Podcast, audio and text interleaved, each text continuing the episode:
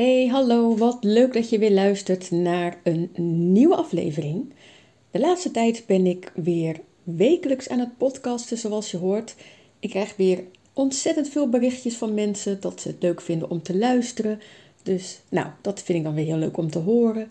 En ik beloof niet dat ik iedere week een podcast ga plaatsen, maar ik doe mijn best.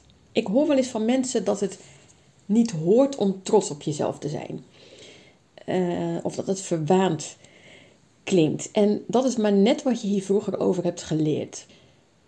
Deze aflevering wil ik zeven manieren bespreken om meer trots op jezelf te zijn. Want ik vind dat dat best mag. Nou, ik heb eerst het woordenboek er even bijgepakt. Van wat is nu trots? Nou, er stond echt bij: negatief is sterk eergevoel en een te hoge dunk van zichzelf.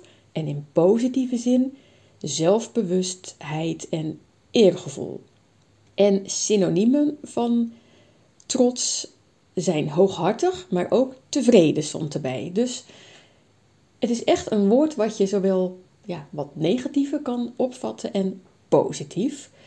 Ik heb het natuurlijk over de positieve versie. Over het gevoel van tevreden zijn over datgene wat je hebt gedaan of wat je juist niet hebt gedaan.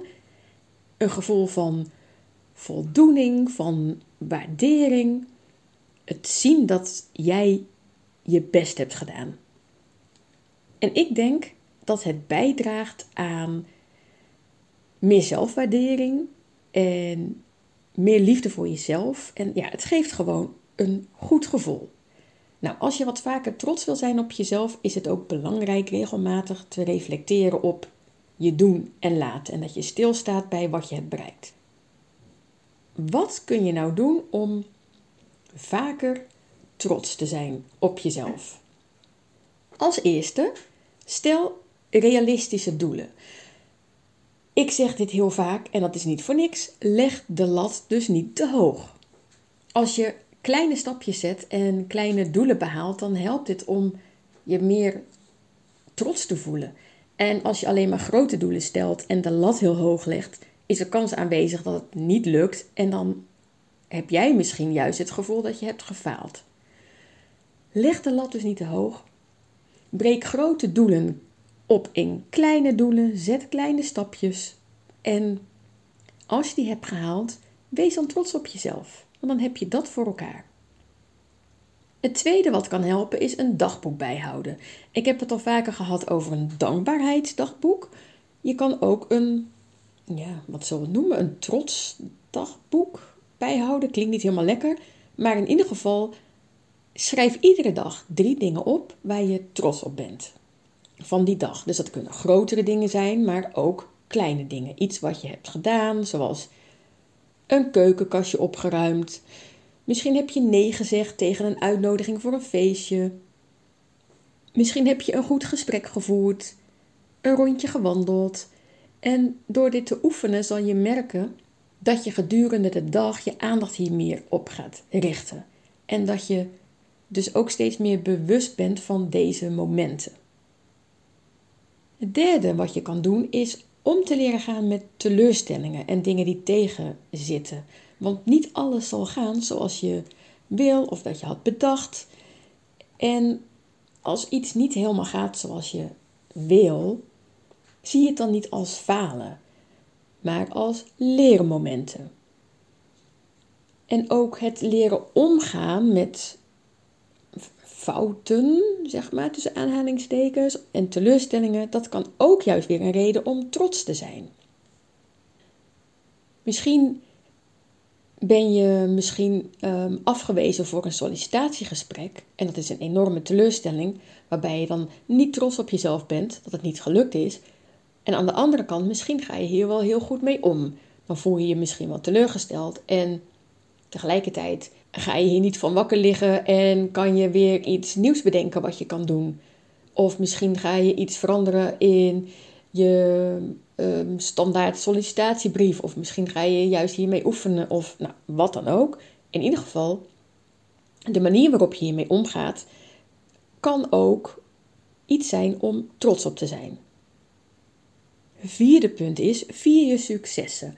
En beloon jezelf als je een prestatie hebt geleverd. Ik denk, wat is het goede woord? Als je een prestatie hebt geleverd, afgerond, gedaan. Nou trakteer jezelf bijvoorbeeld op een etentje als je een groot project op je werk met succes hebt afgerond. Doe een dansje door de kamer als je nee hebt gezegd tegen iemand. Of als je eindelijk iets hebt gedaan wat je steeds hebt uitgesteld, zoals een telefoontje plegen of de meterstand doorgeven. Geef jezelf een schouderklopje of een compliment als iets is gelukt. En wacht dus ook niet tot iemand anders zijn of haar goedkeuring geeft. Doe het lekker zelf. Als je daarop moet wachten, dan komt het misschien niet voor je weer teleurgesteld.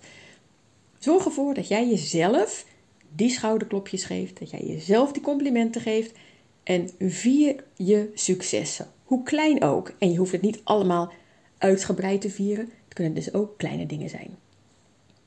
Volgende punt is: laat het gevoel van trots niet afhangen van de mate van succes. Want als je vindt dat je pas trots mag zijn op jezelf als je echt iets hebt bereikt, als je succesvol bent, wat het ook mogen zijn, dan leg je de lat dus weer te hoog. En wat ik net al zei, ook als iets niet is gelukt, kun je vast nog iets vinden waar je wel trots op kunt zijn. Bijvoorbeeld, misschien zie je er enorm tegenop om te gaan wandelen. Omdat het regent of koud is. En je bent uiteindelijk wel gegaan en je had in je hoofd om een uur te lopen. En je bent uiteindelijk een half uur geweest. Dan kan je balen van jezelf dat je het maar een half uur hebt gedaan. Je kan ook trots zijn op jezelf omdat je toch bent gegaan. Zelfde situatie, twee verschillende manieren om er naar te kijken.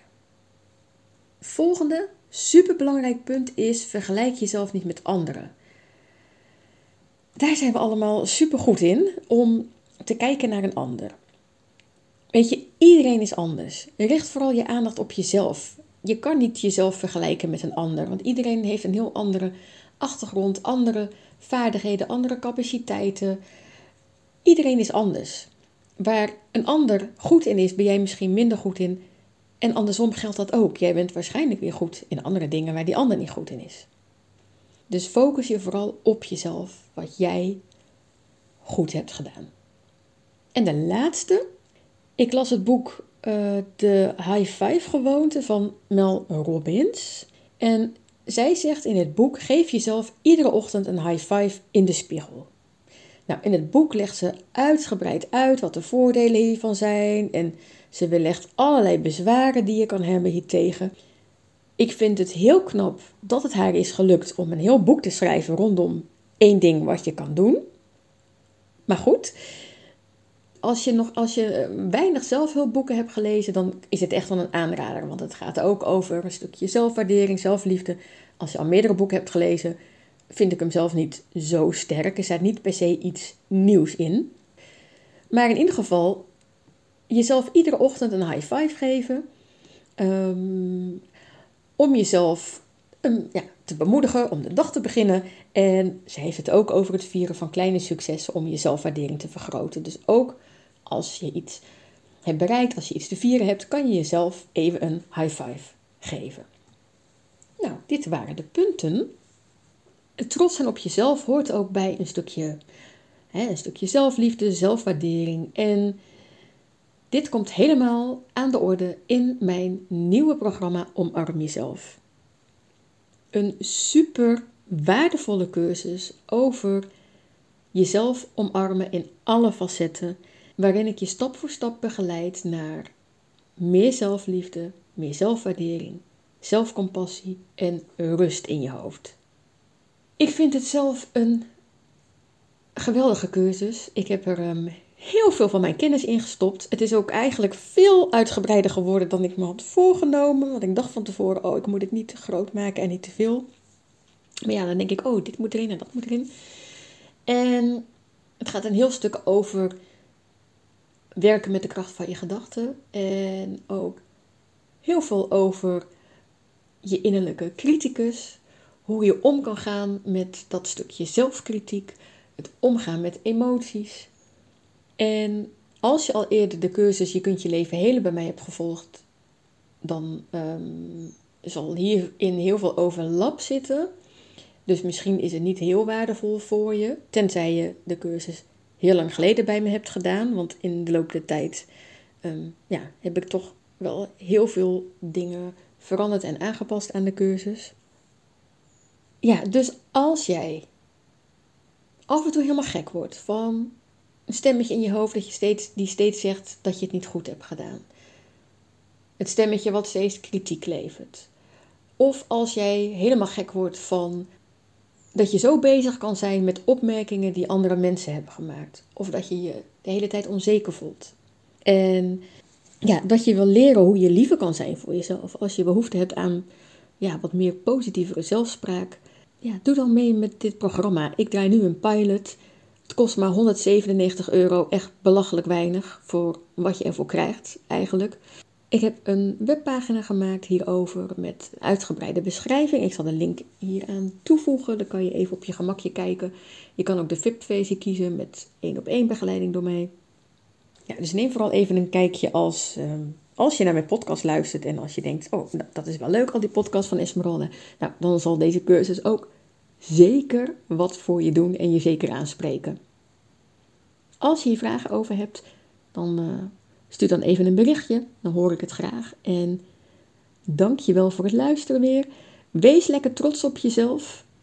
Vier je successen en graag tot de volgende keer. Doei!